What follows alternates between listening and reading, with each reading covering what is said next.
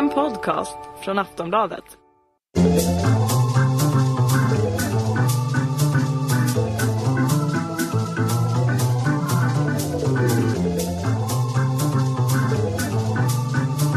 We don't need no education.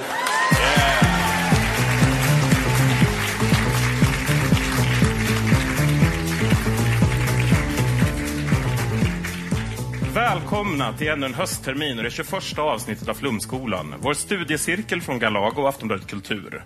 Dagens avsnitt spelas in inte mindre än två dagar före valet här på Södra Teatern i Stockholm. I och med att det är en ny termin är det också dags för utvärdering av vår skola. Vi ska därför innan vi går på dagens bok se vad iTunes kundbetyg säger om oss. Av 47 röster i en betygsskala från 1 till 5 får vi 28 femmor och 10 ettor. Eh, I sann maoistisk anda sysslar givetvis Flumskolan med självkritik och tar våra kritiker på allvar. Jag ska därför läsa upp våra mest negativa recensioner. Signatur Anton Andersson, ett ord, skriver med rubrik Smörja. Ren vänstersmörja, omoget beteende och vuxenmobbing. Pinsamt. Vi får en etta. Anton Andersson ger appen The World of Hypocrisy en femma.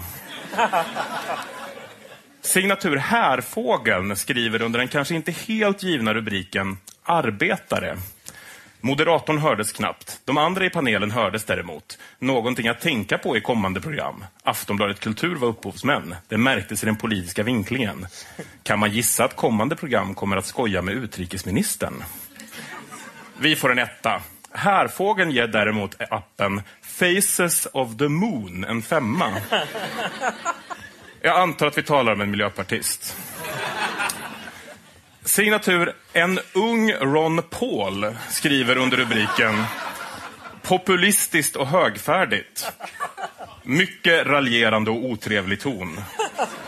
Vi får en etta. Den unge Ron Paul gillar inga andra appar. Jag har en vag känsla av att den gamle Ron Paul agerat exakt likadant. Signatur Adam skriver under rubriken Vuxenmobbing var ordet. Orkade med 15 minuter av denna smörja. Sitta och håna någon annans verk med osmakliga hånfulla skratt. Nej fy, lägg ner denna smörja till underhållning. Återigen en etta. Adam ger Mattsson Helin Podcast en femma med motiveringen mycket uppskattat på jobbet. Jag gick jag automatiskt har in i en sån här, i någon slags roll. Det är ju så att vi, jag tror att vi båda är uppväxta på Aftonbladet och Expressen. Man är uppvan vid det där är fienden, de är dumma, det där är fienden, de är dumma. Det finns någon slags kraft i det. Sen träffades vi några gånger när du hade klivit på precis. Eh, Och jag började märka, vi tog någon bärs i Göteborg, vi satt och pratade lite grann. Och sen märkte jag så här, fan jag gillar den här killen. Det är en konstig känsla. Jag ska ju vara liksom jättearg konkurrent. Nu ger vi kritikerna vad de önskar sig. För ja, nu kör vi. Populistiskt och högfördigt. I denna fullmånens cykel har jag tagit en bärs med och bjudit in till dagens podd inga mindre än Karin Pettersson, politisk chefredaktör på Aftonbladet.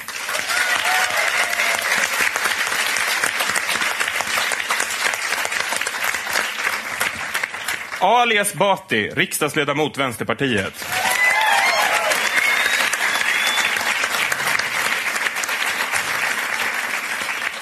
Moa Svan, komiker och programledare.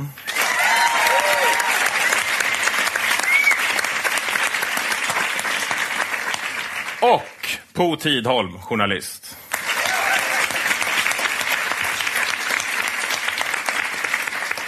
Och stenhård SO-lärare här i Flumskolan är som vanligt jag, Johannes Klenell.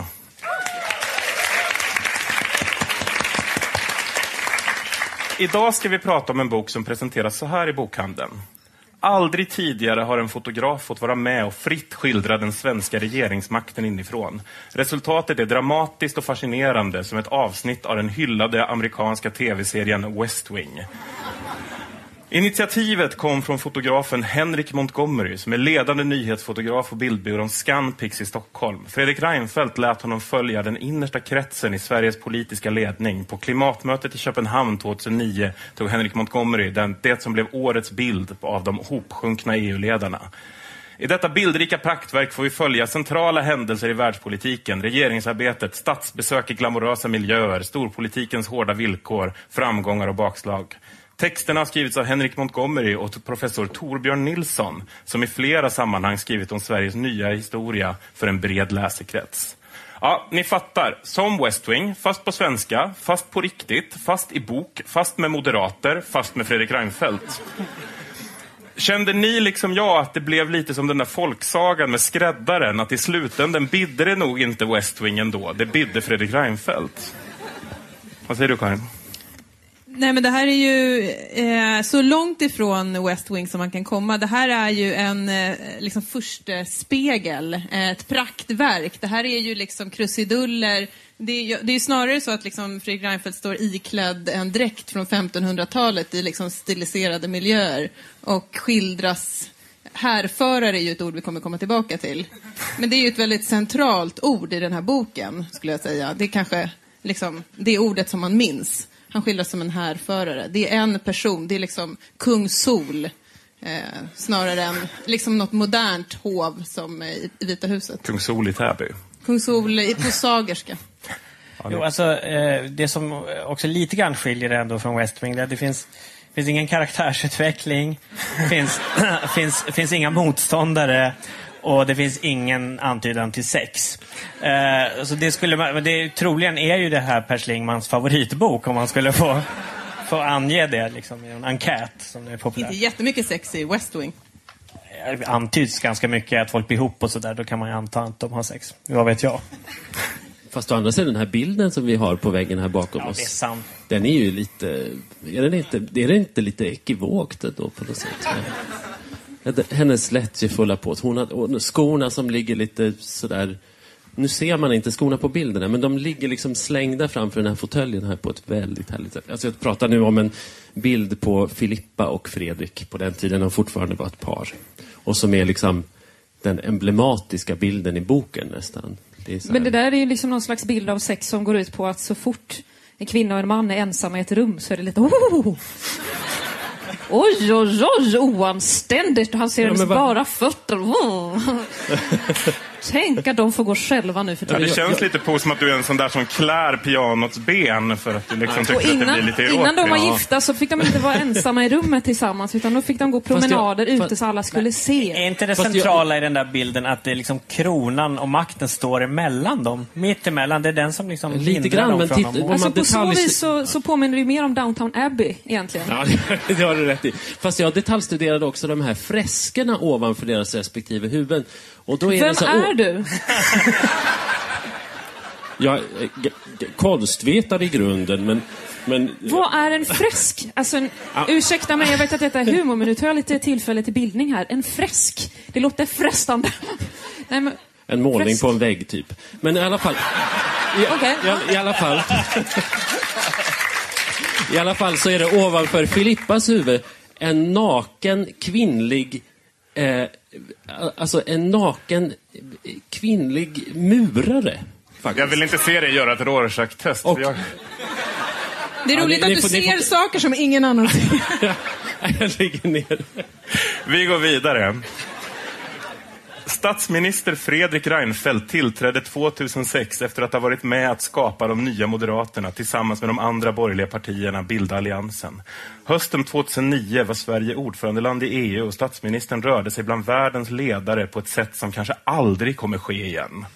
Ofta med hustrun Filippa Reinfeldt vid sin sida.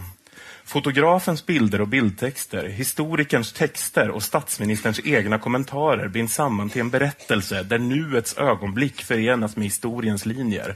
Och framträder en historieskrivning, en annan historieskrivning än den vi är vana vid. Alltså, kände ni liksom jag att ni är lite beredda att hålla med om det här, att det trädde fram lite av en ny historieskrivning ni inte har hört talas om förut ändå?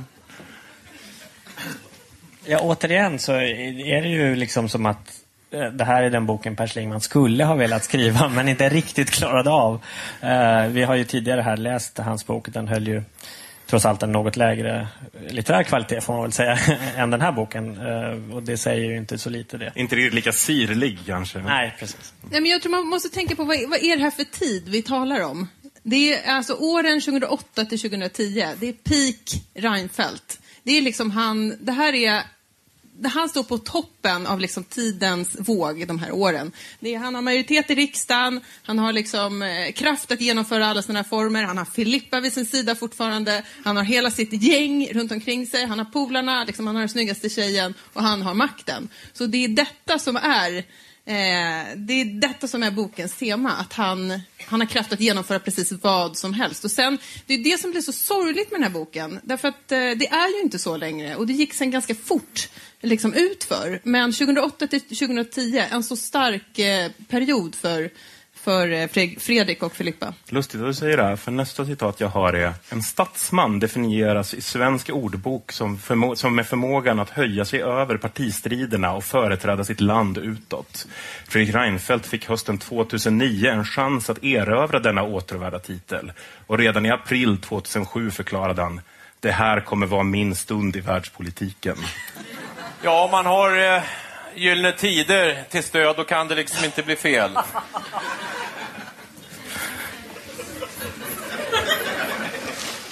Får, Nästa bild är... får, får man, alltså detta, att han faktiskt säger detta, detta är ett citat alltså.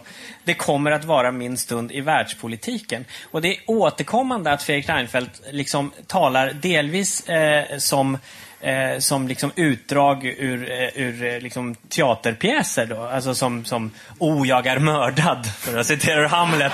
Eh, eller, eh, ja han säger ju inte detta, detta var från Hamlet. Men, men liksom liknande. Det och delvis då eh, som fortune cookies. Liksom, att det, det är totala plattityder.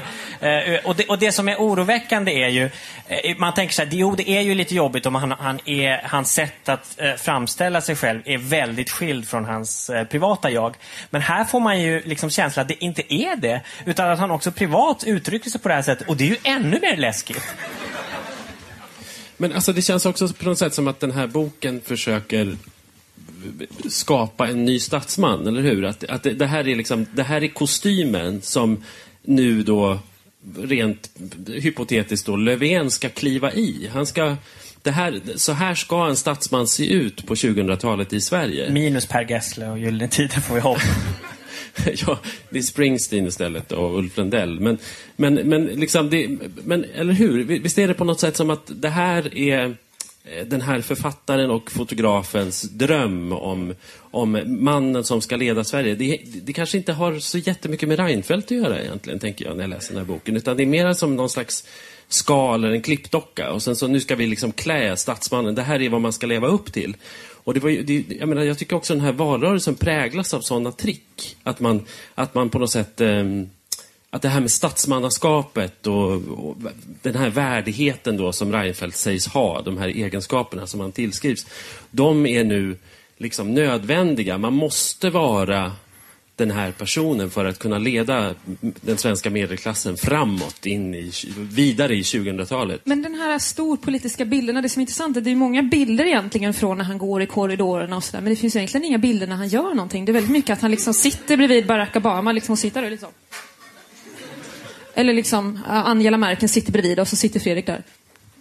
Han gör, alltså det finns liksom ingen, en det finns inga bilder på när Fredrik Reinfeldt sitter i mitten och liksom argumenterar eller pratar och Barack Obama sitter så här och berätta mer Fredrik. Det finns liksom inte den typen av, av bilder att Angela Merkel säger Fredde. Utan det är liksom, han är passiv på alla bilder. Så där liksom känner man den här statsmannen som man har skickat ut i Europa. Ser liksom, han ser ganska bortkommen ut. Utan det är mera liksom Fredde från Täby får hänga med världseliten. Och sen kommer han hem. Detta möjligen är en cliffhanger som kommer till senare i boken. Men sen hamnar han i Maud Olofssons trädgård. Så att det liksom... Ja, Det är lite tragiskt slut men på boken. Det är det som är grejen, för att man undrar liksom, ja det är väldigt tragiskt slut på boken. Men man undrar också, liksom, vad är målet? För om man tittar tillbaka på det här Köpenhamnstoppmötet, det var ju en fullständig flopp. Alltså man åstadkom ingenting. Och det man åstadkom var årets bild. Eh, och det var liksom, eh, ja det vi kommer minnas och det som ja, blev, blev utfallet. Och det är, den är ju så tom, den här boken. Det är som en kuliss. Och det, är- det är roligt det du säger Oliver, för att det är som att Reinfeldt, han ser också den här kulissen. Och han ikläder sig den här hermelinsmanteln som jag ser framför mig. Att han, och liksom i rött och hermelin. Men vad roligt Och tog den så- här ja. årets bild. För att då är det som att, det är säkert att efter årets bild när någon bara, vi borde göra en bok på det här. Ja. Och att då så här, de flesta kvinnor i en sån situation hade varit lite så ah, jag inser mina begränsningar. Men att en så, om man inte, om man inte är typ Torbjörn, att man bara, självklart. Men får jag En bild något om... är lika med en hel bok i massa. För det enda som liksom är fantastiskt är ju när det står så här årets bild. Ja. Man bara så här, ah, det där var årets Det bild. blev en jättebra bild. Verkligen bra att ni ordnade det där toppmötet som du kunde ta den där bilden. Det Det, blev var en det verkligen jättebra bild och där, där finns det någonting som, är, som jag hängde upp mig väldigt mycket på. För där står det i, i den lite utförliga bildtexten i årets bild och från toppmötet, alla sätten.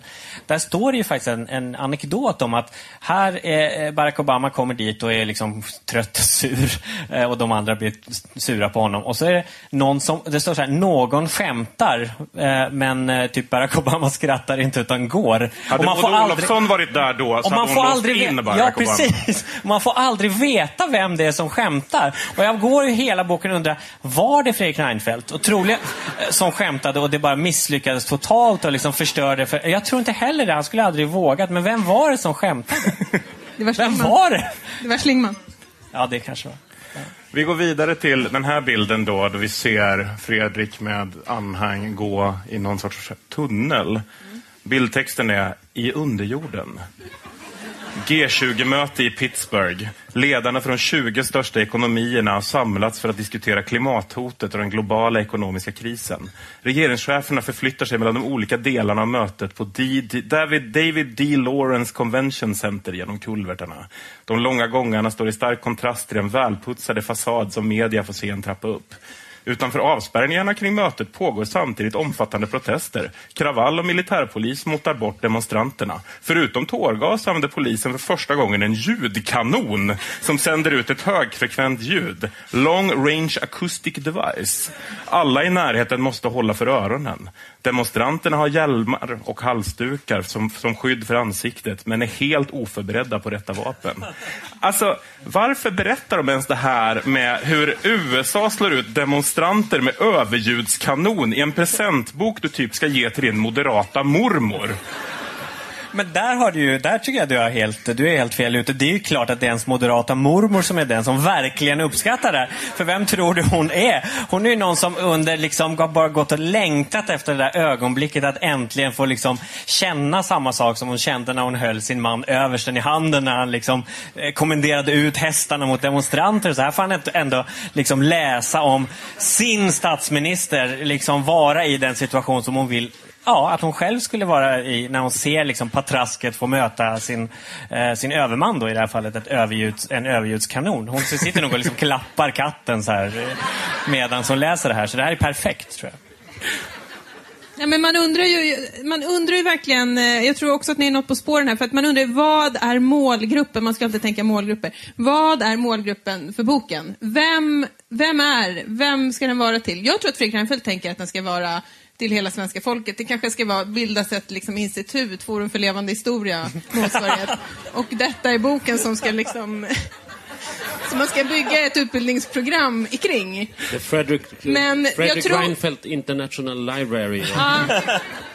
Eh, att det kanske skulle vara början på ett sånt projekt mer storslaget. För det, det är ju det an, anslaget som är i boken. Det är ju så enormt pompöst. Eh, men Men är det ja, det de som är kom Vita kanske- huset? Där är det Jo, som att det det Vita någonting på huset. tråden där. Att det är Mm. liksom, för det är ju det amerikanska ju, att det ska vara liksom presidenten, att Mm. sen så ska man kunna rabbla liksom alla ens presidenter. Att det här är liksom typ Sveriges första president. Och det började med denna boken. Det börjar med denna boken. Alla ska kunna rabbla alla toppmöten som Fredrik Reinfeldt har varit på. Alla minnesvärda årtal, alla citat. Citat inte minst. Citat, årets bild, när togs den? De pratar ju här om hans presidentlika aura. Men jag, jag tycker att, att vi, vi ska gå vidare till det första kapitlet som också är mitt favoritkapitel i boken. Och det heter Statsministerparet. För Sverige i tiden. Valspråket är upptaget men passar även för Fredrik och Filippa Reinfeldt.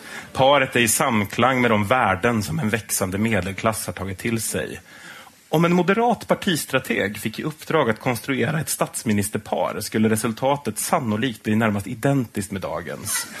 Fredrik och Filippa Reinfeldt. Förutom att de är stiliga, skötsamma och samspelta har de tillräckligt många andra meriter på det gemensamma CVt för att kunna bära en sådan roll. I en tid då personlighet och utstrålning har fått allt större betydelse i politiken, på både den inhemska och den internationella scenen, är lyskraften hos de politiska ledarna en åtråvärd tillgång i ett partis jakt på politiskt kapital. Alltså är alltså Fredrik och Filippa någon sorts weird science-skapelse av två moderata datanördar som skapade sitt, sina drömmar mot partiledarpar i typ en Commodore 64 på 80-talet? Oh. Åh, alltså, jag blir bara så ledsen. Blir... Var inte detta ditt favoritkapitel? Nej, alltså det var det inte. Alltså, jag, jag försökte värma upp genom att lyssna på den här Värvet-intervjun med Filippa Reinfeldt. Hon ger ju nästan inga intervjuer. Är det någon som har hört den här Värvet? Nu gör reklam för en annan podcast. Jag ber om ursäkt Johannes. 10 000 spänn. Eh, 10 000 spänn. den har ju stenhård spons också från jag ska, inte Han säga, jag, ska, jag ska inte säga varumärkena. Men man blir ju väldigt... eh, Man, jag, jag, nej, alltså jag blir väldigt beklämd över att representeras då som varandes eh, medelklass och, och skötsam och hygienisk och allt det här. Att, att, jag ska, att jag ska representeras av det här paret. Nu, tack och lov är de ju skilda så att, så att eh, jag slipper ju det nu. Alltså, Det, det är ju trots allt, det ligger rätt mycket i den där beskrivningen. Så det kommer ju mer och mer och mer om den här medelklassen. Eh, Eh, och och här, här är det liksom känslan av att här är någon som har fattat något men använder det i väldigt ondskefulla syften då när man pratar om det. Det är som, man har som Bourdieus elake eh, tvilling som har varit liksom eh, inlåst i en slags Kreabs källare i Georgien. Eh, och som då får, får, komma med, får, får komma med sina grejer medan han liksom skrattar lite ondskefullt. Och det blev det här paret då. Statsministern har vunnit stort personligt förtroende också långt in i oppositionspartierna. Att en del av det förtroendet har med paret Fredrik och Filippa att göra är rimligt att utgå ifrån. Men på vilket sätt ger paret regeringen och Moderaterna extra bonus i kampen om folkets gunst? Vilka värden symboliserar de? Vad ligger bakom deras ställning, förutom det uppenbara, att de en gång träffades och 1992 gifte sig? Alltså, vad betyder ens det här? Vad fan menar de? Jag vet inte, men jag återkommer. Det, det är ju till det här att det, eh, som jag tror Po var inne på, det, det är en sån fantastisk liksom, framgångssaga, det är, ett sånt, eh, det är en sån kärlekshistoria, det är liksom makt och kärlek och ambition och allting gifter sig med varandra och liksom, de lyckas och de tar sig hela vägen till toppen och de gör det hand i hand. Och de förstör Stockholms sjukvård tillsammans. Ja, men jag Hand i hand. Ja, exakt. Ja, men det är det jag menar. Absolut. Men är det inte också det Ja, här men med de, har, de, har, de, de har kraft att liksom genomföra det som moderater har drömt om i alla tider och de gör det liksom eh, som, som Barbie och Ken och det, det är liksom det är, det är en väldigt stark eh, scen, som ni hör. Ja, det är och verkligen de är- och Men, och idag, och idag, vad händer? Vad händer? Vad händer med denna kärlek? Den går i kras. Det är ju eh, väldigt, väldigt sorgligt. Ja, fast bilden är etsad på våra näthinnor. Nej, men, Ja, och, och och det är det jag skulle vilja komma till, att det på något sätt så har de ändå, har de inte liksom skapat, just det här som jag var inne på tidigare, det här med klippdockorna och liksom kostymerna. Att det här är på något sätt, det här är, eh, det här, alltså bilden som vi har etsade på våra näthinnor är liksom en av orsakerna till att Socialdemokraterna och, och Vänstern och Miljöpartiet inte lyfter. Att det här, det, det är den här bilden av från, det, det, det är liksom Procter Gamble har tänkt ut det här. Och man kan inte komma som sosse och, och man kan inte leva upp till det. Förstår ni vad jag menar? Jag känner att jag inte blir förstådd här. De fortsätter analysen så här. här. Ja, men du, du är något på spåren, för att, för att vi fortsätter deras analys. Nu är de fortfarande gifta. Vi måste liksom leva oss in i det. Det är viktigt. Efter valet 2006 och statsministerfamiljens flytt till Sagerska huset övergick Filippa eh, till landstingspolitiken på heltid. Som sjukvårdslandstingsråd ansvarar hon för två miljoner människors sjuk och hälsovård. Ehm, Både i Täby och i landstinget har hon arbetat för privatiseringar och nya organisationsformer. Där ibland Landstingets vårdval Stockholm 2008. Utan tvekan har både Fredrik och Filippa Reinfeldt gedigen partibakgrund och bred politisk erfarenhet. Men det är inte det som gör dem ovanliga. Orsaken till deras dragningskraft kan istället sökas hos den skötsamma medelklassen. Inom forskningen har det, med ursprung i idéhistorikern Ronny Ambjörnssons begrepp den skötsamme arbetaren, talat om arbetarklassens arbets och vardagsmoral. Den strävsamma, likväl som välmående medelklass som satt sin prägel på de välbeställda förorternas villa och radhusområden har däremot kommit i skymundan. Alltså, Solsidan, Svensson Svensson, Sunes jul, Efter tio med Malou, allt som David Elenius någonsin rört vid, Ernst Kirchsteiger. Vem i den här jävla medelklasskakafonin av tacos och heminredning menar de lever i ett liv i skymundan egentligen? Här känner jag, här, det här är centralt för allt eh, i vårt samhälle idag. Här klickar jag lite. Alltså, eh, för för det här, här står det faktiskt någonting på spel. Det är frågan om liksom vilken, hur man ska definiera medelklassen, vilken idé ska man ha om den och vad den ska stå för. Man kan ha en idé om, om, eh, och en strävan om vad medelklassen ska vara som står för att ja, vi, den har tagit sig ur materiell nöd och kan därför eh, kosta på sig lite, eh, lite så här vänligare vanor mot varandra. Man är inte alltid liksom på, har- har inte kniven på strupen. Att man, den tillgången som man har till, eh, till eh, liksom kultur och utbildning kan göra något bra med en som människa. Att, att den överblick man skulle kunna ha som samhälle kan hjälpa en att liksom ha en bättre förståelse av världen. Eller så eftersträvar man, inte bara ser, utan eftersträvar skapandet av en medelklass som är något helt annat. Som liksom hatar eh, de som står under en, som definierar hela sig själv i motsättning till, eh, till de där där nere som det har gått illa för och som man då internaliserar. Man tänker att det skälet som finns till att någon går på, på fas 3 eller arbetslösa så är att de är dumma i huvudet och att jag måste därför slåss för alla mina privilegier ända in i döden. Eh, jag ska fan med ha tjänstefolk, det, eh, även om jag inte kallar det utan blir upprörd om någon, någon kallar det så. Och det, och det, det, det, den, den där medelklassen, den skapas till någonting så otroligt jävla äckligt och vidrigt. Och det är liksom facit av de här åtta åren. De vill skapa den medelklassen. Och de har lyckats en bit, eh, så jag hoppas att de eh, inte får göra det. Jag visste att jag skulle få användning för det här. Ali ska inte kalla de tjejer som driver en massa rutföretag ute i Sverige för tjänstefolk. Ta tillbaka det. Nej, men jag, tror att, jag tror att du verkligen är, jag tror att det här valet som vi har nu på söndag, det här är liksom en kamp om medelklassens själ i, i stora drag. Vad är, vad vill medelklassen vara? Vill det vara liksom en, en, en, en, liksom, en konsumtionsenhet, eh, uppåtsträvande, eh, tvådimensionell, inåtblickande kärnfamiljs liksom, eh, grupp? Eller vill den någonting mer som är liksom utöver sig själv och sin egen unit? Det är liksom kärnan i det politiska samtal vi har nu. Och för mig blev det... Eh, jag har typ fan aldrig varit så arg i hela mitt liv. Och jag har varit arg många gånger. Det, är, eh, det var på någon av alla mm, partiledardebatter i veckan, jag tror att det var på TV4, så fick Fredrik Reinfeldt frågan Läckberg eller Tranströmer. Jag vet inte om ni såg det.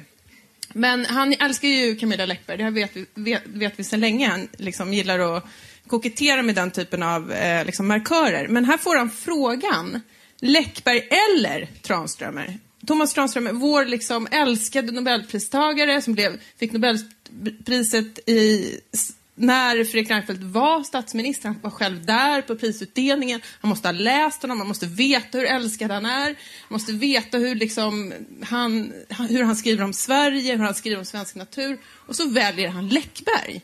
Det är för, alltså, jag kommer aldrig förlåta honom för det. Jag, jag kommer förlåta honom för många saker, men jag kommer aldrig förlåta honom för det. Och det är det det här valet handlar om på söndag. Får komma in en snabbis. Ja, alltså, jag, jag, lyssna på det här då.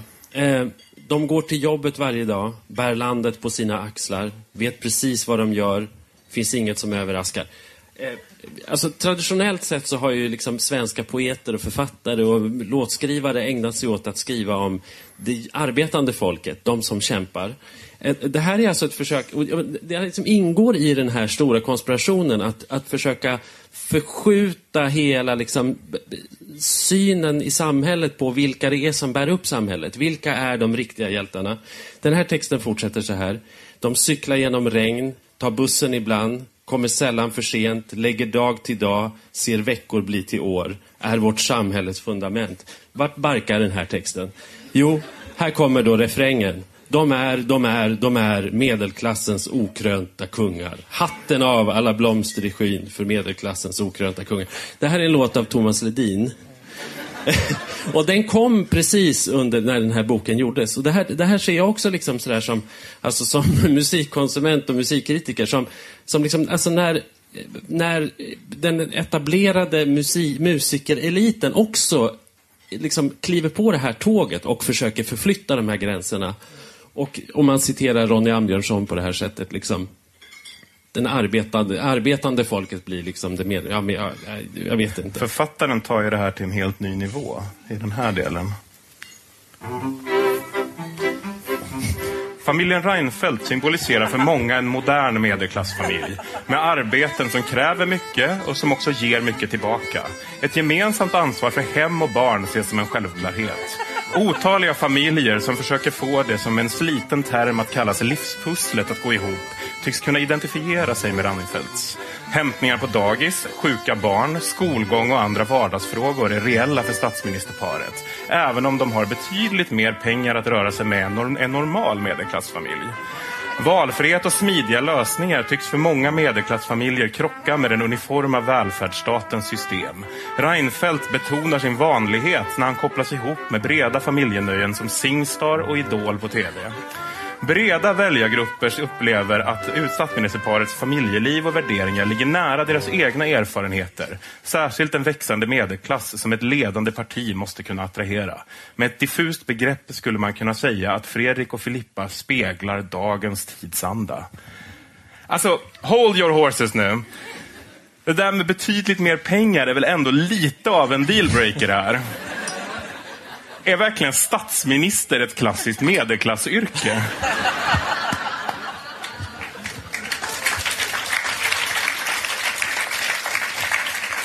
Alltså, tror ni verkligen att det det är det nu. Det, det är det nu. Det är det som är svaret. Ja, men jag tänker så här, tror ni verkligen att en brevbärare i Vivalla kan relatera till det typiska i att försöka hinna från att sälja ut Serafen för några tusenlappar för att i nästa veva försöka hinna köra Erik till judon? Eller förhöra Gustav på samhällskunskapsläxan samtidigt som du ska hinna förklara för Jonas Sjöstedt att han är kommunist i plenisalen? Sitter verkligen Tord Svensson, tandläkare från gruvlyckan i Karlstad och sätter nävarna i sidorna då och täcker typiskt livspusslet det där. Vad är det här? Kan någon förklara det? Moa, har du någon förklaring till det här? Jag tänker ju hela tiden på Vita huset. Men, eh, men då, hade ju liksom, då hade han ju inte gillat Camilla Läckberg. Då hade han gillat Thomas Tranströmer. Eh, och sen så hade han ju liksom kollat på damfotboll istället för att göra utspel om eh, herrfotboll, vilket lag det nu kan vara som han bryr sig om. Och där är ju liksom lite problemet därför att här är det ju att man försöker Vita huset är ju i en, i en amerikansk värld där liksom presidenten är Gud och onåbar och så får man se i en serie att de är mänskliga. I Sverige vet vi att statsministern är mänsklig. Alltså statsministern är ju inte Gud i Sverige. Och då när man får se så här, han har faktiskt en fru och barn och livspussel precis som ni. Det är liksom så här, ja, vi vet. Men ni fattade det. Det är inte skitspännande att se att även Fredrik Reinfeldt har ett privatliv. Så att den här medelklassgrejen, jag vet inte riktigt vart de vill komma med det. Jag tror att det var liksom som en sån här idé som liksom någon bara, ja men det ska vi skriva lite om. Det är bra grej. Det tänker jag också, att vi skriver lite om den här nya medelklassen. Det är som, en, det är som ett pitchmöte som liksom aldrig riktigt blev klart. Som vad som helst på TV3, ungefär så. Men, men alltså, det är ju fortfarande, det resultatet blir ju lite, ändå lite småäckligt då. Eh, och, och, och där, men det, den här medelklassen då, då ska då tillskrivas massa värden som då, då, de då alltså förväntas leva upp till och bli eh, den här mardrömmen som, som eh, för mig då, eller drömmen kanske för, för de moderata partistrategerna. Men detta att de, citat, tycks för många medelklassfamiljer, de här smidiga lösningarna tycks för många medelklassfamiljer krocka med den uniforma välfärdsstatens system.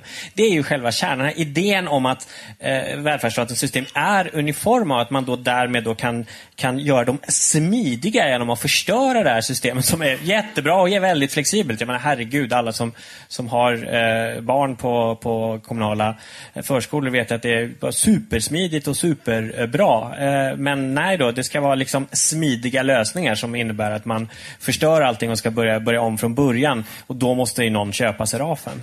Eh, det, det är liksom eh, det är som ground zero eh, i välfärden eh, som de då har svårt att sälja in från början. Men som då på det sättet då eh, blir så här, ja detta, det, vi måste nog ändå göra så här. Men, men det här handlar ju om att, alltså Moderaterna är ju det, överhetens parti och liksom elitens parti klass, eh, historiskt. Och här är ju projektet då att man ska försöka liksom hitta, nå fram till nya väljargrupper och liksom omdefiniera sitt politiska projekt. Och då, men det, som, det som stör mig, och det är det här med Läckberg och Tranströmer, det som stör mig så ohyggligt med det här, ja, det här kommer nu jag prata om hela tiden, det är ju att man skapar en bild av medelklassen eh, som man speglar sig i, som är så fruktansvärt nedlåtande. Eh, där man, där man, där man liksom utgår från att människor drivs av, eh, eh, är tvådimensionella, man gillar bara Singstar och Idol, man gillar Läckberg och inte Tranströmer. Och det är detta man liksom, det, det, man konstruerar en medelklass som är så fattig och är så innehållslös och är så deprimerande. Den här bilden som de speglar sig mot är så ohyggligt deprimerande. Eh, och det är det som är liksom den här existentiella kampen nu som står eh, på söndag om medelklassen ska lyckas Mm. liksom spränga sig ur de här boj- bojorna och säga liksom, team Tranströmer, ta din Läckberg. Men alltså, kan de inte, men, jag, nu är jag rätt allvar, men kan inte de få medelklassen? Eller liksom är det, kan inte de få det här liksom heterosexuella, Täby, du vet, Nej, men vi vill ha ett projekt där vi liksom, kan vi inte ha ett projekt där vi hänger ihop lite? Alla ska med. Ja, jag är måste- sosse, hallå! Måste vi vara med just på medelklassprojektet? Måste, kan man inte byta en, alltså jag tycker det låter så tråkigt. Kan vi inte vara liksom, jag vet inte, Pia Sundhage-projektet eller liksom Disco 2000? Ja, men förstår jag tänker... Sverigebygget. Men en, en, en annan men sak... egentligen vad som helst. Det är liksom så här, jag tänker när jag liksom läser att de försöker skapa medelklassen, ja men ta det, det blir jättebra. Varsågod. Det är så motsägelsefullt det här. För att å ena sidan så försöker man skapa en statsman av honom, visa upp den här bilden. Men å andra sidan man tänker på det här gamla begreppet som man använder i Sverige, landsfader. Och jag menar, då tänker man ju inte på en chipsätande, Singstar, sjungande, eh, Sälen, turistande Täbyvillaman. En sån kan ju inte vara landsfader. Eller, eller är det den nya landsfadern?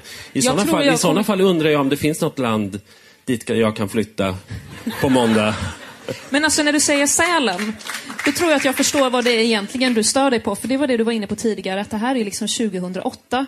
Att det liksom egentligen inte riktigt trovärdigt längre. För hade det varit 2014 så hade ju det här varit hipster. Då hade man ju fått se, här står Filippa med våra nya ölbryggare hemma. Här står Filippa på Södra, Södra Teaterns scen och poddar i Flumskolan. Nej, förlåt. Nej men det här är ju... Det är ju sjukt otidsenligt liksom. Alltså, det hade Var varit det mycket- foodtrucken? Och det hade varit liksom så, jag tänker att det hade varit nästa pitchmöte om de hade haft hunnit ha något mer innan de liksom slängde ihop boken. Så hade det kunnat vara nästa möte. Att, nej, men ska vi inte dra det ett steg till? Kan vi inte göra hipster-Reinfeldt? Alltså, när du skickade den här boken så drabbades jag av ett ögonblicks panik. För att jag trodde nämligen att Torbjörn Nilsson, som har skrivit den här boken, Ja, var den Torbjörn Nilsson, alltså den som har gjort liksom, politik intressant för svenska hipsters. Politikskribenten på tidningen Fokus, som är en väldigt duktig politikskribent, kanske till skillnad från professor Torbjörn Nilsson, som kanske inte är fullt lika flexibel i sitt tänkande. Eh, och, då greps jag av, av lite panik där, men det var ju som tur var inte han. Men Moa, jag tror att du har helt rätt, för jag träffade Per Schlingman igår och han sa... Han kommer Bara med- sådär? Ja. Du bara slänger ur dig det? träffade Schlinge, hängde lite med honom och då så berättade han att han kommer ut med en bok nästa vecka och den handlar mycket om, ja nu igen, den handlar mycket om eh, jämställdhet, att det är viktigt, eh, det är modernt. Så att han, men han, han Stadsodling lämnade, kanske? Va? Nej, Stadsodling? men han lämnade ju det här projektet, Per Schlingman, kommunikationsstrategen, eh, 2011, 2012. Och eh, det, var, de, det var ju en period när de var i takt med tiden. Det är liksom min poäng lite grann här. Och nu har de tappat det. Per Schlingman, han skriver fortfarande böcker om jämställdhet och sådär. Så att han försöker liksom hänga med. Men eh, han är inte kvar. Och Fredrik Reinfeldt eh, har tappat det. Vi måste gå vidare till den mer statsmannamässiga Fredrik och den mer statsmannamässiga Filippa också, lustigt nog det här. Vi hoppar vidare till den här bilden. Gemensam förberedelse morgon i regeringsplanet. Filippa och Fredrik Reinfeldt är på väg till G8-mötet i Italien. Första dagen har de separata program. Filippa ska träffa påven Benediktus den 16 i Rom och Fredrik Reinfeldt ska delta i möten med Barack Obama och de En andra typisk ledarna i G8. medelklassfamilj. Vänta bara. Statsministern äter för ovanlighetens skull frukost på planet. Frukosten består av en skål med frukt, yoghurt, müsli, nybakade frallor, marmelad, skinka, leverpastej, ost och ett fat med grönsaker. Samt kaffe och te. Alltså, mitt i all den här överflödsinformationen om Fredriks helt vanliga frukost så känner jag att jag måste lyfta frågan vad i helvete Filippa skulle göra med påven. Men det här är innan de skilde sig va? Ja. Alltså det jag tänkte på, de är inte katoliker. Alltså nu, jag vågar inte säga någonting här om den här bilden. Men, åt, Du bara, åt- har ni sett alltså, fresken? Och... och, alltså, ja, alltså, ja, fresken är ju borta på den här bilden, men däremot så har hon ju återigen tagit av sig skorna och den här gången vilar ju Fredriks hand lite sådär på hennes fot. Eh, men som sagt, jag, jag, jag Alltså, sa det ju är nu. helt vanligt Nu- att människor rör vid varandra. Moa. jag ser Mo, Moas blick. Men, eh, ja. Nu kommer det. Ja, det här var det ekovoka inslaget. Ja, jag fattar. Nej, men här, det är roligt att du säger det med handen, för jag har också tänkt på det. Att jag vet inte... Därför jag kan inte avgöra om det betyder liksom... Mm, ja, precis. Mm, älskling, där, men inte längre, för då blir jag jävligt störd. Eller om det är så här... Fan vad mysigt det är med lite vardagsnärhet. På planet, som för övrigt... Det, kommer du berätta det, vi- vilket planet är? Nej. Och du, jag vet att du tycker sånt här är roligt, men jag tycker det är lite kul med så här, "Åh, är det den frukosten? Ja, det är som på vilket flygplan som helst. Men det som är roligt är att det här är ju det äldsta planet av sin sort. Det är ju liksom ett begagnat plan. Och det är här någonstans man börjar inse att ja, men han är inte USAs president. Han är en svensk statsminister som har fått jag- ett gammalt jävla plan som de har ärvt från någon. Från ett whiskyföretag, så det finns fortfarande kopphållare Ja, för så är det, ja. Detaljerna, alltså detaljrikedomen i den här böckerna, det är ju den absolut stora behållningen. Men jag vet, men sen, alltså, det liksom senare i boken, jag hoppas du har med nästa transportmedel som man åker i, för det här är liksom en föraning någonstans. Att vi börjar i kulvertarna, det är farligt utanför, det är kravaller och det är såna kanoner. Och det är liksom, han är liksom utsatt för fara.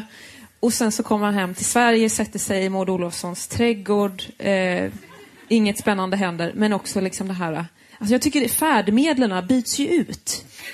Och här kommer liksom föraningen om att det liksom bådar inte gott. För han åker ju också i sånt ekipage, ja, de här långa liksom så, stadsbilen, de här amerikanska liksom, sju svarta bilar i rad i USA. Så får man se vad han åker i Sverige sen. Ja, men det är cliffhanger. Vi går vidare till nästa bild.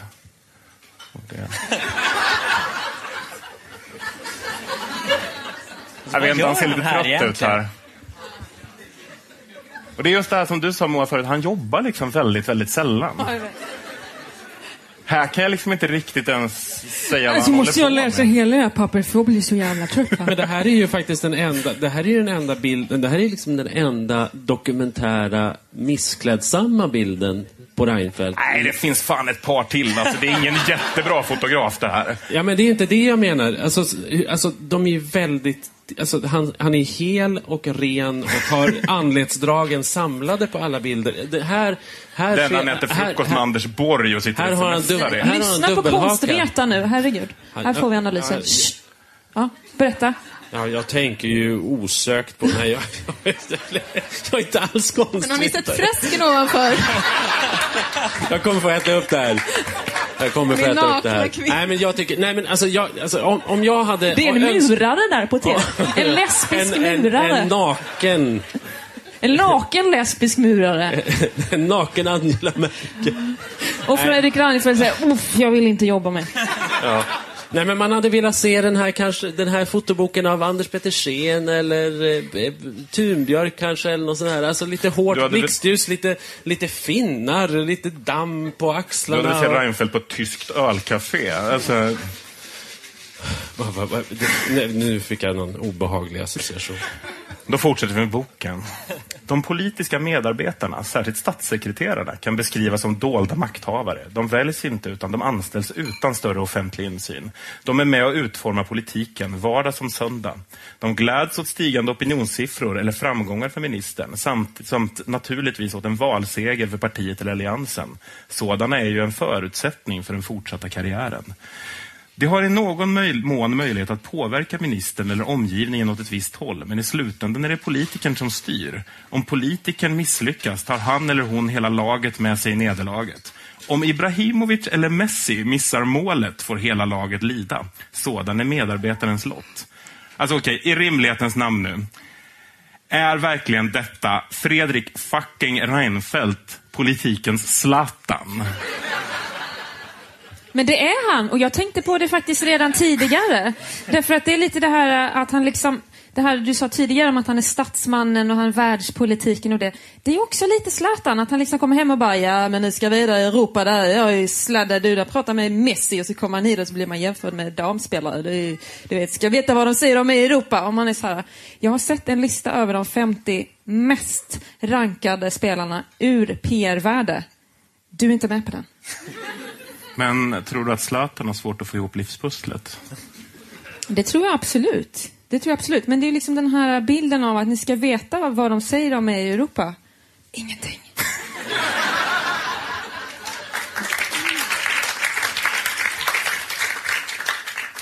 När det, får jag bara säga en grej när det gäller fotboll, eh, så är ju Fredrik Reinfeldt, eh, man kan säga att han är Zlatan, man kan också säga att han, och nu har jag Robert Laul med, med mig här borta, så att jag hoppas att du bara nickar och skriver under på det här, att eh, Fredrik Reinfeldt är ju Erik Hamrén, och han måste avgå. titta på, det räcker med att titta på halsduken. Erik Hamréns halsduk. Ni fattar vad jag menar. Jag tycker det är en alltid jättekonstig liknelse, för även om man plockar bort Hamrén så har man ju fortfarande inget fotbollslag. Alltså... Och Nej, men titta på regeringen. Och man är inte ens med, man är inte ens med i VM där man inte varit på så här 20 år. Så att plockar man bort honom så är det liksom fortfarande samma problem. Och att denna tanken då skulle överföras på politisk nivå, det skulle vara lite läskig tanke tycker jag. Den Alltså, svenska man, medelklassen finns ändå kvar. jag tycker vi borde välja nytt land Ali, istället. tills Ali har tagit Jag vill inte vara Sverige längre, jag vill vara ett annat land. Jag vill vara ett bättre land. Du vill ha ett bättre lag? Ja, ett bättre lag ja. Ja. Ja, precis. Inte bara ta bort ledaren utan byta ut alla. Vi rusar vidare lite här. Så det här får ni bara se i förbifarten när... Ja, men där han jobbar! Ja, han jobbar. Han jobbar.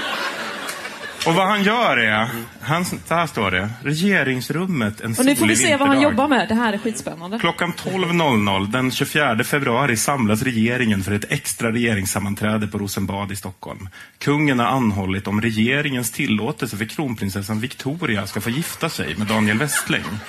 Efter att regeringen har tillstrykt förfrågan skriver statsministern och justitieminister Beatrice Ask under beslutet. Fem timmar senare sitter Daniel Westling och kronprinsessan Victoria i en blå soffa i prinsessan Sibyllas våning på Stockholms slott och eklaterar sin förlovning.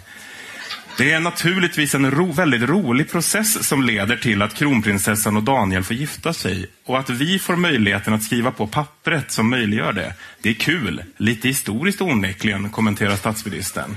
Alltså den här roliga processen. Är det Victoria och Daniels förhållande han menar eller vad är det som är så jävla kul med Men det det här? som är kul är att nu har de ju turats om i hela regeringen och går liksom förkläde, alla Downton Abbey, åt Victoria och Daniel. Så det har ju, de har ju varit tvungna att sitta med i varenda rum när de ska liksom umgås. Och nu kan de äntligen liksom sköta det på tu man hand. Så Nu- de slipper. Det här och är ju nu, liksom... nu kan hon få ta av sig skorna. Ja, och Fredrik liksom och de, de slipper oroa sig liksom för vad som kan hända om de hamnar ensamma i ett rum. Han kan också hålla handen på hennes fot. Ja.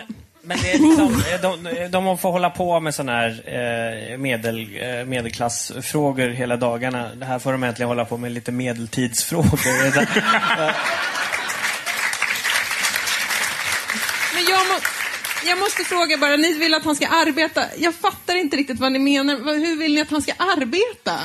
Ska han liksom, vad tror ni en statsminister gör? Ja, men det är det man inte vet. det är men det man är vill inte- veta. Men han gör, ju, han gör ju de här sakerna, han gör ingenting annat. I nästa Vill steg får vi lite svettas? insyn i det. Jag fattar inte.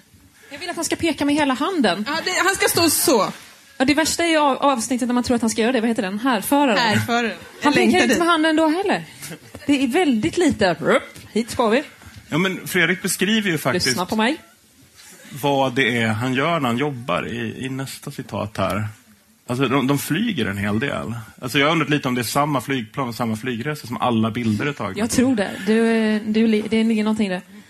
En tidig morgon i regeringsplanet. Fredrik Reinfeldt är på väg till G8-mötet i L'Aquila i Italien. Han deltar i rollen som ordförande i EU och ska träffa ledarna för världens åtta största ekonomier. Så här ser mycket av mitt liv ut. Här har jag permarna som jag kallar dem. Jag brukar skoja med mina medarbetare och säga till dem att jag vet att du har en perm. Ta fram den nu, säger statsministern. Alltså, Lite vitsig är han ju, men jag måste ändå liksom lite lyfta frågan hur kul det är med en statsminister som sitter och säger ta fram permen. Jag vet att du har den. Ta fram den nu. Alltså är inte det lite som att gå fram till en 11-åring i ful mössa och fråga har du godis? Och så på nejet så säger statsministern stäng kiosken och så drar han ner liksom, den här mössan över 11-åringens ögon. Är det här verkligen ett rimligt regeringsalternativ? Men eh, lite sådär generellt tänker jag att om man säger jag brukar skoja och då är det liksom lite misslyckat det skämt. Om man måste säga det här, nu, nu kommer det skojiga. Eh, då är det ju inte så skojigt många gånger. Eh, och det är tydligen det han gör. Men jag tycker också att det finns något i det här tonfallet.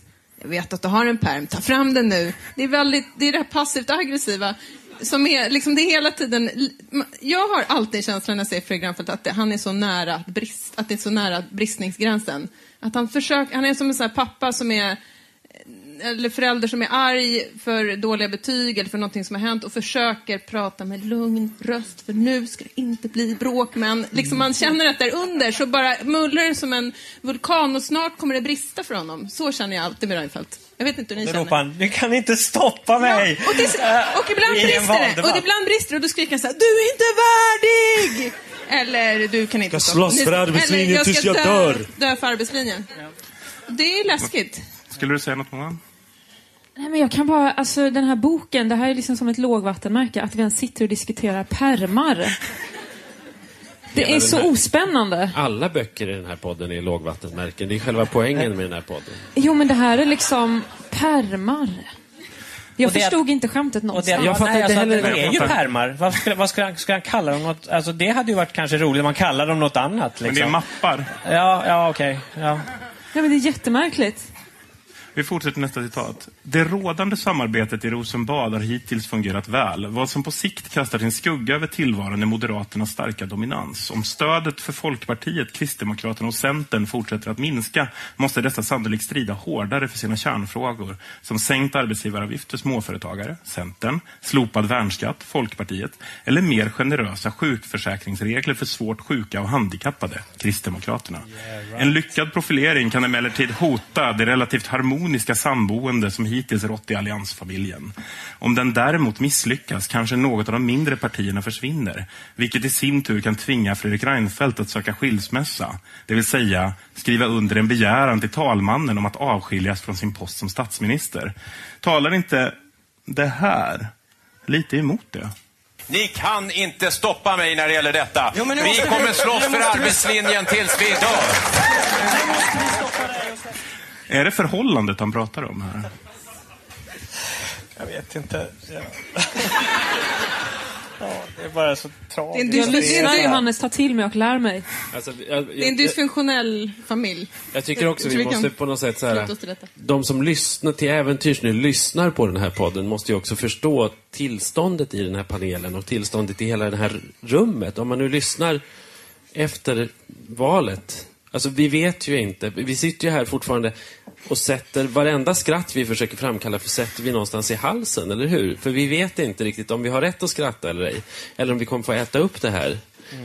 Eller, alltså, jag tittar på Karin nu. Karin har svettdroppar som rinner ner för... Fraskar i pannan. Nej. det får ni... Nej, men du ju... Nej, men det är så, jag, jag kan tycka att det, att, det, att det är liksom någonting olustigt, för man vet inte. Alltså, antingen, antingen har han rykt eh, när, det här, när, när, ni, när ni lyssnar och då är, sitter vi här och är plumpa och, och oschyssta mot medelklassens okrönta kungar. Eh, eller också så har det blivit regeringskrig och då är vi också plumpa kanske. Eller, eller, Det är inte så att jag kommer tycka något annat om medelklassen på måndag om Reinfeldt blir kvar som Nej, du, statsminister. nej, men- Så, Nej, men- det, så det är lugnt. Nej, men jag, tror att man, jag tror att man kan konstatera att oavsett hur det går på söndag, så det har ju, sen den här boken skrevs och den här beskrivningen gjordes, så har det hänt något dramatiskt i, inom alliansen i svensk politik. För Moderaterna har backat nästan 10 procent. De har tappat nästan en tredjedel av sitt väljarstöd. Så att den här konflikten som beskrivs här, den är liksom redan där är vi nu, så att säga. Nu är det liksom Annie Lööf som tar väljare av, av Reinfeldt och till och med Jan Björklund. Hur det är möjligt, det vet jag inte. Men, ja, alliansväljare. Men, eh, så att liksom den här familjefriden, den är redan bortblåst. Och det har skett ett, oavsett vad som händer, så har det här redan hänt. Vilket är intressant. Han är inte längre medelklassens okrönte konung. Han är liksom på väg ner. Och liksom, vad som än u- Men han är en utspelar sig. stridshingst. Han är Men en vi- stridshingst. Vi kan faktiskt se det Fast här med lite redan grått här. i manen. Vi kan notera redan här faktiskt någonting som jag tänkte på. Och det, det kommer komma en liten bildserie nu. Här har vi första bilden. En för alla, alla för en. De tre musketörernas devis skulle kunna gälla dagens borgerliga partiledare. Alliansen har undvikit de strider som förr präglade borgerlig politik. Är det inte lite talande att om ni tittar på bilden så står det Göran Hägglund längst fram, men han är ändå helt ur fokus i jämförelse med alla andra. Jo, det, det, det är ju den här familjegrejen där, där man tänker liksom att det också är intressant vad de, vad de andra har för roll. Eh, alltså eh, att, att eh, Göran Hägglund, eh, jag uppfattar honom som den liksom eh, den där väldigt eh, skötsamma eh, lillkidden som verkligen älskar eh, fadern och vill, vill vara honom. Men vet att, eller misstänker att han ändå aldrig kommer att ärva det här familjeföretaget. Eh, han är lite rolig, han blir liksom framkallad eh, på sådana här fester och så för att vara lite rolig. Men, men det är också det. Eh, inte så mycket mer händer. Eh, och, och ja, det, ja, det är tragiskt. Vi hoppar två bilder framåt. Här. Svår pensionsmatematik, pressrummet Bella Venezia på Rosenbad i Stockholm. Socialminister Göran Hägglund har svårt att förklara regeringens satsningar på landets sämst ställda pensionärer. Den fjärdedel av pensionärerna som det gäller ska få en skattelättnad på högst 3 500 kronor per person och år. Förslaget kommer att kosta staten 2 miljarder kronor. Alltså, noterar ni de andra allianspartiernas blickar? Björklund lägger handen i pannan. Reinfeldt står och fnissar. Och Maud Olofssons blick uttrycker liksom bara rent förakt. Alltså, vad fan har Göran gjort dem egentligen? Alltså, jag vet vad han säger. 3400 kronor. Tänk hur många massariner man kan få för det. Det är många massariner. Men det är en av de få bilder jag har sett på Maud Olofsson där hon inte ser onaturligt glad ut. Eh, så, så Alltså hon ser cool ut där, det gör hon. Ja. Säg som det är, hon ser cool ut. Ja, hon gör ju det. Hon är bara, what's the problem Göran? Har du problem att prata? Är du lite nervös eller? Hotet mot Reinfeldts regering ligger i om hans parti blir alltför populärt bland väljarna. Åtminstone om det går ut över allianspartierna. Att de borgerliga partierna försöker ta väljare från varandra kallas ibland lite drastiskt för kannibalism. Frågan är om strider om väljarna kommer att efterträda den idylliska bilden av allianssamarbetet med partiledarnas matpauser med hälsobröd i Högfors, nötkaka i Bankeryd och kaffebröd i Visby. Alltså drastiskt och drastiskt. Känns inte oron att Jan Björklund ska gå från nötkaka till människokött en liten smula något befogad ändå? Men det är ju precis vad han har gjort. Om du tittar, om du tittar på opinionssiffrorna. Så har han ju tuggat i sig 2-3 procent i alla fall. Men om vi går tillbaka till din fråga. Moderaternas om vi går tillbaka till din fråga tidigare. Du frågar ju liksom vad målgruppen och syftet är. Här känner jag så att det är nog professorn i som vill ha lite yrkesheder. Att han ändå är så här, okej, jag skriver det här och jag berättar, men då vill jag åtminstone vara lite folkbildande. Det vill säga att det är så här, och nu ska vi förklara vad som händer. Det kan gå bra för Moderaterna, men det kan också betyda att de egna partierna faller. Och det är inte så bra. Då kan liksom professorn känna att nu har jag gjort något bra. Eller som han gjorde tidigare, förklara en förhandling. I en förhandling är det så att antingen så kommer man överens och det är bra. Eller så gör man inte det. Och då kan det sluta med att man skiljs åt. Det var ju det vi fick lära oss innan. Och sen så är det någon som är så här, ja men det ska vara lite kul också. Så slänger han in det här med kakor och lite bilder och sådär. Men jag kan, jag kan lite känna att det är synd om professorn ändå som är så här, vill verkligen få in det här och det är jättetråkigt. Det är mycket roligare med överljudskanoner och gamla flygplan. För att inte då glömma freskerna. Ja, det hade vi. Vi fortsätter till stycket på väg ut. TV4-huset i Stockholm. Moderaternas partiledare, statsminister Fredrik Reinfeldt, har debatterat ideologi med Socialdemokraternas partiledare Mona Sahlin. Efter debatten svarar de på frågor från journalister. På programledaren Lennart Ekdals fråga i sändning varför de blev politiker svarar Mona Sahlin under Vietnamkriget brann Olof Palmes ögon på ett sätt som gjorde att jag kände att det går att förändra. Därför vill jag bli socialdemokrat. Fredrik Reinfeldt hade redan vid tio års ålder för sitt engagemang klart för sig. Om jag har kraft att orka se andra människor måste jag göra någonting av den kraften. De dagar jag är svag, kanske inte har orken själv, förutsätter jag att jag kan få stöd från andra som har styrkan. Så får vi sammanhållning i samhället. Vad är det då han sett som tioåring? I en intervju i herrtidningen Café läser vi det här. Han var fem år gammal när familjen flyttade till en tre, från en trea i Handen till ett radhusområde i Bromsten. Det rådde en pionjäranda i förorten norr om Stockholm, med kontrasten till det nybyggda Rinkeby ett par hundra meter bort. Där hade den första vågen av turkiska invandrare just flyttat in. Radhussvenskarna skulle omgående bli varse problemet. De turkiska barnen kom gång på gång över ängen och stal leksaker från de intet ont anade svenska barnen. Turkarna kommer, ekade ropen i radhusområdet. Reinfeldt kunde till och med se dem närma sig lekplatsen utanför staketet utan att hinna fatt dem när de gjorde sina raider. Han började spela basket i Tensta och tio år gammal blev han stoppad av några killar som körde upp en skruvmejsel i halsen på honom. Försvinn, du är inte här att göra, sa de till honom. Tror ni det var här Fredrik bestämde sig för att bli moderat? Alltså? Alltså vilken rasistisk jävla smörja. Ja.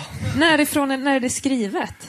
Jag vet inte, men jag tror att det är runt 2006. I en herrtidning. Mycket kan man förvänta sig av dem, men det här var ändå Aldrig så. sett det här citatet Jag, förut. jag tror faktiskt att det är precis Finns när han var ny, eh, nyvald partiledare, tror jag.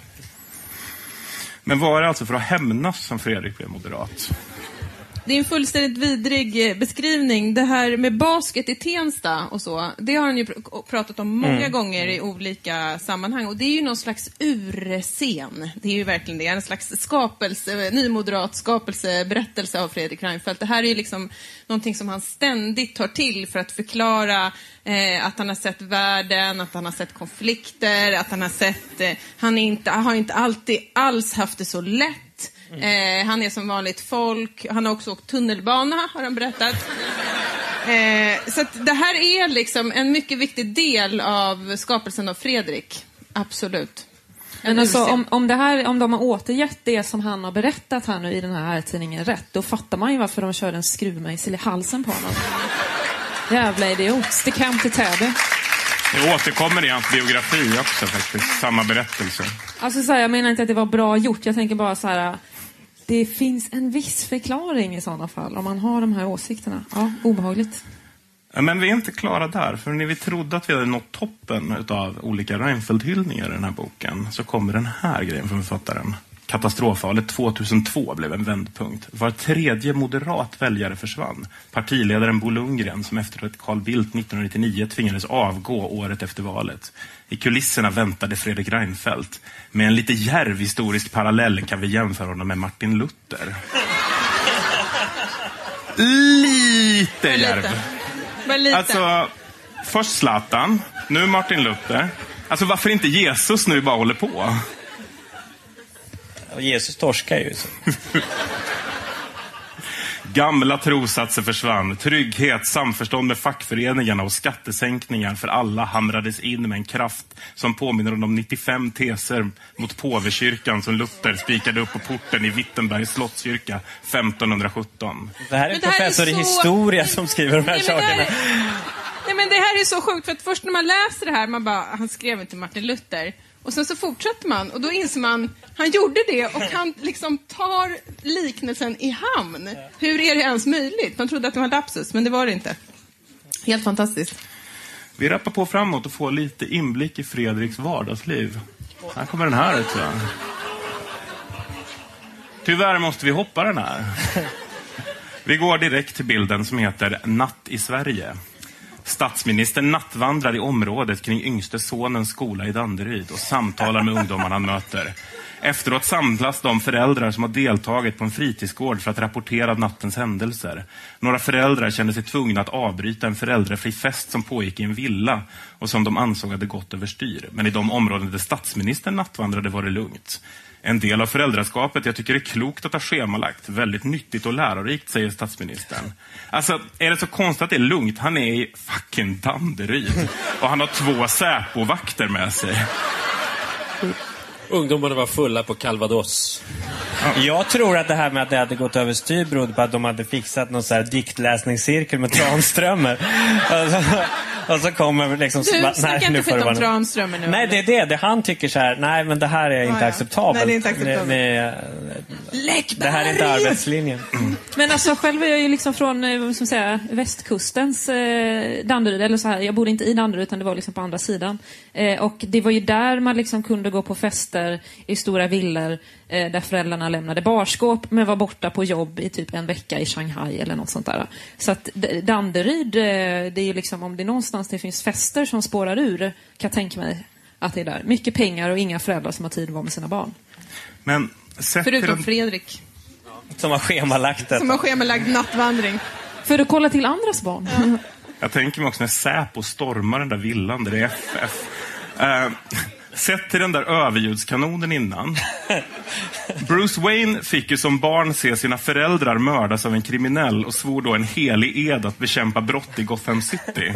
Fredrik Reinfeldt såg som barn barn från förorten stjäla hans leksaker. Kan det vara så att Fredrik Reinfeldt är Danderyds egen lilla Batman? här? Och så Men kommer, jag och så tror att det är så han ser sig själv. och så kommer de med det där överljudsvapnet och bara så här, har ni ingen humor så får ni se på Och Lumo. Anders Borg är Robin. Anders Borg är Robin. Ja, Jag Det är så de ser sig själva. Nej men jag skojar inte. Vadå, tror du verkligen att, att så här, Reinfeldt går fram till Anders Borg och kallar honom för mitt lilla boy wonder? Ja! Alla vet att de gör det med varandra. Alla vet det. Sagerska är en mancave. Vi går vidare till nästa bild. Tillrop från väljare, Strömgatan i Stockholm. Statsminister Fredrik Reinfeldt promenerar från bostaden till arbetsplatsen på Rosenbad.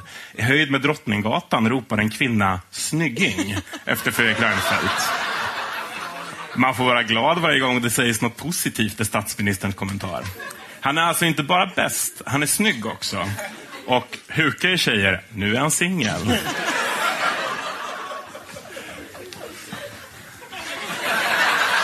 Vi går nu till bilden Forum i fjällen. Nordiskt globaliseringsforum i Norrbotten. Statsminister Fredrik Reinfeldt är på väg upp på fjället med sina nordiska kollegor för att åka slalom. De är i riksgränsen för att under in- informella former tillsammans med företrädare för näringsliv, forskningsvärld, organisationer och media diskutera globaliseringens och klimatförändringarnas utmaningar och möjligheter. Det låter så jävla roligt. Statsministern tar sedan täten när de susar ner för den röda pisten Vargtassen. Det här är ju verkligen en toppenkille. Hur bäst kände ni att statsministern var redan innan han kastade sig ut för Vargtassen? Moa? Jag börjar mer och mer känna, vad är Vita huset i det här? Var det det här färdmedlet du syftade på skulle komma? Oh, det blir värre. Det blir värre, tro Kan det mig. bli värre än en skidlift? Ja. Okej. Jan Guillou gillar ju det här med övermänniskor. Eh, men vem hade kunnat ana att vår statsminister med lätthet kunnat nita både Carl Hamilton och de där överklassasen på internatskolan? För det här tar oss nämligen in på det sista kapitlet, nämligen härföraren. Redan under värnpliktstiden visade Fredrik Reinfeldt ledaregenskaper. Han gick ut som kursetta. Att kunna föra trupp i strid passade honom tydligen. En partiledare med en sådan merit kunde, skulle ha tilltalat de tidiga 1900-talets högermän. Ja, just det. Uh, flera av dem höga officerare och vårdande ömt Karl XIIs hjältegloria. Alltså, det här var ju ett par år innan Rai Rai uttryckligen beskriver sig själv som en stridshingst. Varför avslutas en bok om en statsminister i ett land som knappt varit i stridsdugligt skick på 200 år med skryt om hur fredagsmysets okrönte konung är jävligt bra på krig också? Bo? Nej, men det, har, alltså, det är ju för att hela den här klippdockan som den här boken då försöker skapa är väldigt komplex. Det, det finns ingen... De, jag tycker den är väldigt ogenomtänkt. Alltså, jag, jag håller kanske inte riktigt med dig, Ali. Att jag tror att någonstans så tror jag ändå att Schlingman hade gjort det här bättre. För att han hade renodlat vissa egenskaper. Här försöker man liksom kränga på honom rustning och liksom grillförklädet och partyhatten och kostymen och liksom så här, allt på en gång. Och jag tycker att det blir för mycket. Jag, jag, jag, det blir för mustig gryta av allt det här. Det kan säkert stämma att det här, är, det här kan ju vara något han vill ha med själv. Eh, därför att, ja men, ja, men grejen är att det är ju faktiskt så att Fredrik Reinfeldt var ju inte bara, alltså han var liksom gjorde lite sån uh, tuff uh, militärtjänst, han var satt i värnpliktsråd och sådär. Egentligen är det lite intressant att det inte har betonats mer eh, att han har liksom den typen av erfarenheter. Så det tror jag beror på en helt riktig bedömning av att det hade varit lite som turn-off för en del. Eh, att det mer eh, skulle gå hem hos den moderata mormorn men inte jättemånga andra. Så att det, och, men det kanske liksom, han kanske går varje kväll och tänker fan, alltså den, den sidan av mig själv som Per Schlingmann har bett mig liksom ta bort, den vill jag gärna ha fram lite oftare. Men då sätter han Eh, alltså på sig en och- stridspilothjälm och ser ut ungefär som den där bilden av Göran Persson när han var malaj. Fast den här bilden är ju sorgligt underutnyttjad i svensk press, måste jag säga. Jag tycker, Karin, jag vill se den här. Eh, Vi har använt den. Ni har gjort det? Ja. I vilket sammanhang? Nu flyger inte det borgerliga projektet längre. Eller? Du behöver jobba på en kvällstidning och lära dig sätta rubrik. Nej, jag men, eh, nej, men jag tycker att det finns någonting i det här kapitlet som eh, ändå... Det finns liksom en röd tråd till Reinfeldts eh, ledarskap utanför det militära, eller man ska säga. Jag tänker på den här förändringsresan han tog sitt parti igenom och hur han liksom med väldigt auktoritära och eh, kraftfulla metoder tvingade sitt eh, det finns ju liksom en, en berömd annan scen där Reinfeldt står inför sin moderata riksdagsgrupp, nej, på en kongress eller riksdagsgrupp och skriker förändra er eller dö. Eh, och det är liksom en retorik som nu går igen, jag ska genomföra arbetslinjen eller dö, eller in i döden. Så det finns ju något så här storslaget, eh, bombastiskt, oerhört pompöst, liksom det goda mot det onda som bara kommer fram ibland. Eftersom han vill spegla sig i medelklassen så kan han liksom inte använda den retoriken tror jag så mycket Är det där skulle- hans sanna jag? vilja. Men det är där hans sanna jag finns. Det finns ju också en berättelse om Anders Borg. Nu behöver vi prata om Sagan om ringen. Det gör man alltid när man poddar. Men det finns ju en berättelse om Anders Borg. Eh, att han ser sig själv som Aragorn. Det är ganska väl belagt. Har han, Det har han berättat det här det är själv? ganska väl belagt. Det finns en intervju i, med Anders Borg i eh, tidningen Fokus där han säger att han ser Norden som ett slags fylke som ska eh, skyddas från eh, ja, ondskans makter och han är då en sån här utbygdsjägare. Och jag tänker att Reinfeldt har det här draget. Jag tänker om Borg ser sig själv som Aragorn så tror jag att eh, Reinfeldt ser sig själv eh, som typ ståthållaren i Minas Tirith. Nej, jag vet inte. Sam Gamgee Ja. när han blir lite tuff mot slutet. Ser Ja, mer ut som här sånt. tror jag. Sunt gäng. Sam Gamgee i den där slutscenen i filmen. För att avsluta det här nu då. Vem, förutom den där moderata mormorn, ska egentligen läsa den här boken? Moa? Alltså, fortfarande, jag vet att vi har pratat om det här skitlänge, men det är fortfarande ett extremt stort frågetecken. eh, och eftersom att bilden inte är med så vill jag bara säga att den bästa bilden, min favoritbild, det är ju när han åker i en svensk hyrpensionärsbuss. Med Maud, Göran och Janne. Det börjar med Barack Obama, det slutar på en svensk landsvägsbuss. Och jag vet inte, kanske att han själv borde läsa den liksom, du vet, oj, var det så här det såg ut? Men gud, jag tror han läser den här boken varje kväll. Alltså om jag hade varit han, då hade fan det här varit min favoritbild. Det där är liksom, det där, kolla på mig! Och så bara, okej, se seriös ut, men det här är ascoolt. Jag fick vara pilot på jobbet! Woo! Det här är det ballaste han har gjort i hela den här boken. Men han har ju ganska fina ögon, Fred. Vad ser man i bakgrunden? Nej, men han sitter i en cockpit. Ja. Ja, det, är, det är plexiglas och... Ja, men han är ju sjukt exalterad. Man ser ju det. Han är jätteexalterad. Han försöker se normal ut. Men man ser att han försöker dölja det. Han är extremt exalterad. Ja, men är det inte lite så här att, alltså, att han ser sig själv som någon sorts Top Gun? Nej, Vi han- andra ser Göran Han leker Top Gun. Han leker Top Gun. Han, eh, han gör det bra. Jag hade, det, det där får mig att vilja bli statsminister. Sista När att, frågan att då. vi ser honom som, som Göran Persson som något negativt. Det förstod inte jag. Jag skulle ju liksom, ja, jag skulle bli glad om han var som, mer som Göran Persson. Men vadå, här ser, han ju ut, här ser han ju ut som en person. Han ser mer ut som en person här än när han håller handen på, Fredrik, på, på Filippas ben. Liksom. Men är inte hela den här boken eh, ett taffligt försök att skriva liksom, in Moderaterna i den svenska historien? Eh, det är ju också liksom, Moderaternas projekt och Schlingmans projekt. Och den är ju så dåligt genomförd så det är ju liksom, lite sorgligt på det viset. Men jag menar alla de här re- referenserna, Karl XII, Martin Luther, what have you. Det, är liksom, Liksom, det ska gå en röd tråd från dessa historiska gestalter och sen liksom, eh, ja, Fredrik Reinfeldt och sen ska det tas vidare. Så jag tänker att den är skriven för hela svenska folket. Mm. Snabbt nu då. Vad har ni lärt er av att läsa den här boken? Ali? Ja, eh, det det är en bra, bra fråga. Jag har ju lärt mig att, att eh, jag fortfarande inte vet eh, om det är så att Fredrik Reinfeldts persona eh, som, som statsminister är sammanfallande med hans eh, så att säga, person till, till vardags. Och jag eh, hoppas att det inte heller skrivs fler böcker om honom som statsminister som utröner detta. Karin? Jag har lärt mig att eh, 2008 till 2010, det är lätt att glömma, tiden går så fort. Men eh, det var en konstig tid i svensk politik. Må den aldrig komma tillbaka. Moa?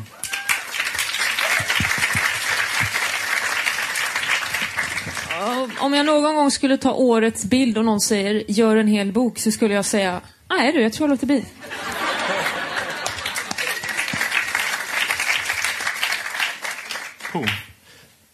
Nej, jag kände, jag, jag kände att jag faktiskt inte lärde mig särskilt mycket, måste jag säga. Jag, jag, tyckte, det var, jag tyckte det var deprimerande och eh, jag har ju varit med i Flumskolan en gång tidigare. Då fick jag läsa en bok som kanske var snäppet värre. Du avslutade med samma fråga.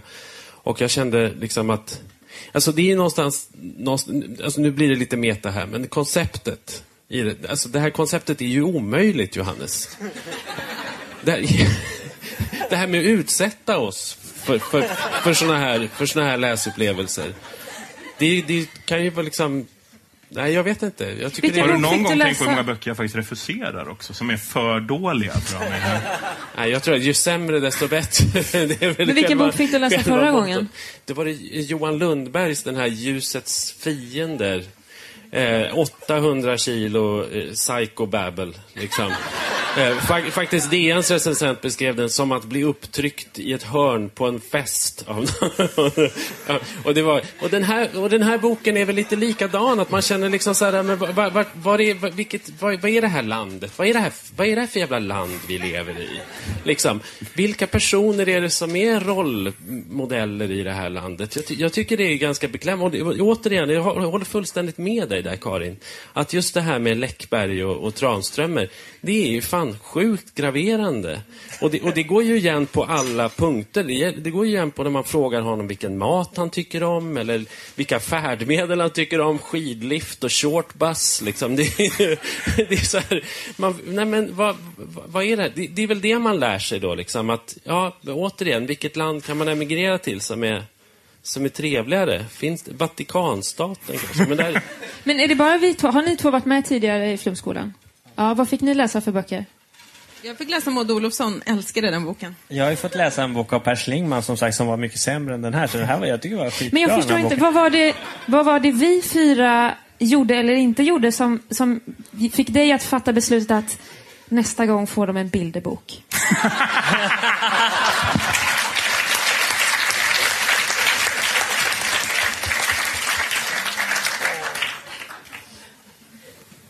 Ja, du. Det är alla uppenbart. Jag, vad har du lärt dig av den här boken, Johannes? Jo, men det ska jag berätta för er. Jag har lärt mig att när Batman i Danderyd och politiken Zlatan kastar sig ut för vargtassen, då jävlar är den skötsamma medelklassen i fokus. Och Ja, om man har eh, Gyllene Tider till stöd, då kan det liksom inte bli fel. med de orden vill jag tacka Ali Esbati, Karin Pettersson, Pota Idholm och Moa Svan. Ge dem en varm applåd. De står inte ut den här gången.